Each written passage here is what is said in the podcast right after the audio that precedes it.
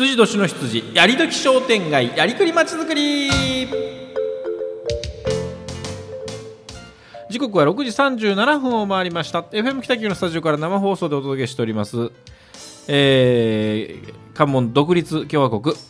6時台はですね、まあコーナーが目白押しでございまして、あんまり近藤さんに喋っていただく時間がないという感じでございますけど、ね、すいませんね、はい。とりあえず先にコーナーをやっちゃいましょうということで、やりとき商店街やりくりまちづくりでございますけれども、えー、先週まではあ商店街、えーまあ、運営事務局側のですねさまざまな収入について、えー、ごいろいろ、あのー、ご紹介をしてきました。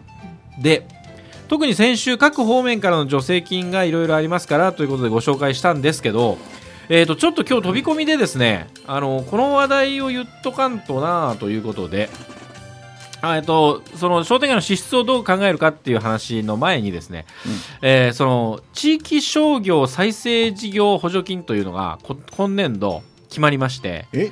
それはなんかすごい。すごいですよ、えー、なんかすごいタイトルですね、はい、これ経済産業省が、えー、っと鳴り物入りで作りましたあの新しい助成金事業でございまして、うん。うん、まあ先にはあの皆さん食いつきやすいとかいきましょうか、はいえー、1件あたり上限1000万円。それちょっと破格のあれじゃないですか？はい。地域状況分析事業ね。あ調査費みたいなもんだね、はい、まあそうですね、うんうん、はい、補助率は3分の2です。3分の2ですよ。3分の1じゃないです。3分の2そうそうそう、ね、ええ約60%ですね。あの、はい、国の事業って消費税別なんで。そうなんだ。そうなんです。はい、うん、それからコミュニティ機能再生事業。さあこれです。ここですね。はい1件あたり上限2億円。あのコミュニティどのコミュニティを言うんですかそれいやもうね、うん、そそういう今から説明で、えー、しかも複数の商店街で実施する事業につきましては、上限5億円です。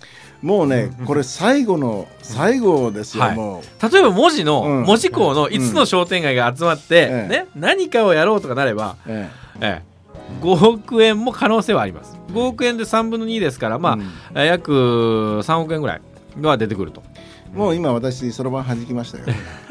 あの はいあの地域コミュニティの機能再生に向けた取り組みを最近このですね機能という言葉がよく出てきます、ね、地域コミュニティは分かりますね、地域の中に存在している、い、わゆる地場の社会、ねえ環境でございますけどそこへはさまざまな機能を持っていたんです、昔は、人が、えー、とこう交流をするとか、はい子供が育っていくとか、それから高齢者の方をサポートできるとか、もちろん買い物も充実してて、えー、というようなこと地域の情報交換ができるとかっていうさまざまなそのコミュニティ機能があったんですが、はい、これがやっぱりどうしても廃れていってると。そうですね。それをその機能必要な街に必要な機能を再生する取り組みをしてくれる要するに商店街活性化ですよ、うんうん、ね、をするんだったら支援しますと。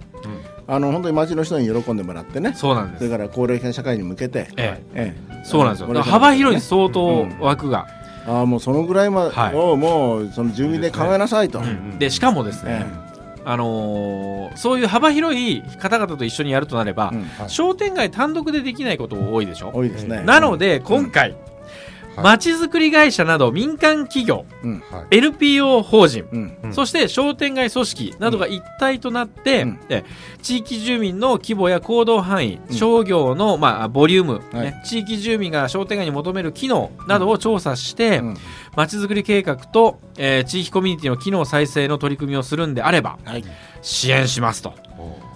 はい、支援の対象は商店街組織もちろん OK、これは事業協同組合でもいいし、うん、商店街振興組合でももちろんいいです、はい、ね、さらにまちづくり会社とか NPO 法人など民間の事業者との連携でつく組織を作ればいいですと、うん、素晴らしい、はい、これはね、ね。あのー、足並み揃えなきゃいけないよ。みんな。現在募集が、えー、実は始まりました、うん、はい4月の23日から始まりまして、一応5月の31日まで。ということなんですが、言っときます、うん、こういう目新しい助成金事業は審査が緩いんです、なるほどね。で特に特にお今までにないような、うん、おそういうやり方？をこれでやってみますか？みたいなあのいわゆる先進的というか、チャレンジ型の、えー、事業について非常につきやすい、はいええ。えーということでございまして先ほど言いましたように商店街振興組合とかでなくても周りのチームと一緒になって、うん。えーこの事業に取り組めるというところが大きいわけですね。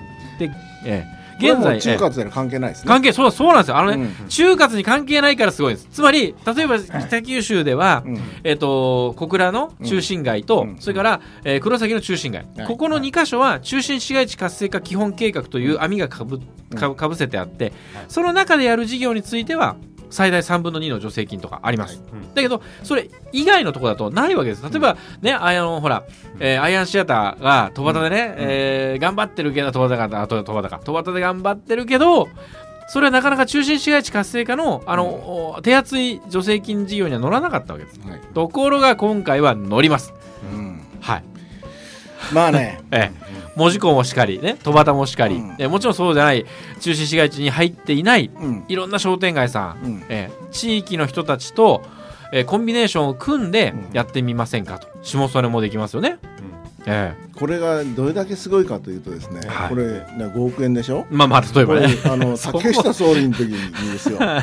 地域あのほら町に1億円そうずつ。1億円ずつですよ、はい。あの時でも1億円やったんですよ。そうそれをみんなどう使うかって話だったのは、ええ。これ下手したら3億ぐらい出るわけでしょ？まあそういうことです5億の規模はいはいの事業がね、はい。5億だった3億使ってやりなさいって話。私ねでもこれのねあのキーポイントを知ってますよ、はい。これがうまくいくかいかないかのあの地域でねはい。みんなまとまってやりましょう足の目揃えて、うんいや最大5億円ぐらいの事業規模のやりましょうと、うん。それがうまくいかないかのね、キーポイント知ってますよ。はい。え？どうぞ。さそう聞きたい。はい、聞きたいね。要は、うん。それをプロデュースするはい。キーマンを、これから日本全国でそういうキーマンが必要とされますから、うん。まあ、今でいうタウンマネージャーとか、はそういうプロデュースする方、これの引っ張り合いになりますんでその人をいち早く誰を使うのか。誰か。うんここなんです。そうです、はい。ポイントはそこですね、あ本当もう、頭がね、うんあの方がしっかりしてるば、はいあの本当に素晴らしいものができるはいですね。ということでですね、うんまあ、九州、う四国、中国地方ではですね、えー実はもう先行して、ええ。あのー説明会行われてまして今日一番近かったのはですね、実は、えー、と熊本だったんですが、ええ。熊本は今日終わりました。終わった。はい。えーであ沖縄が先に終わったんだ、うん。沖縄と高松が先に終わりまして、えーこの後ですね、えー、と中国地方で今日福山も終わっちゃったんで、はい。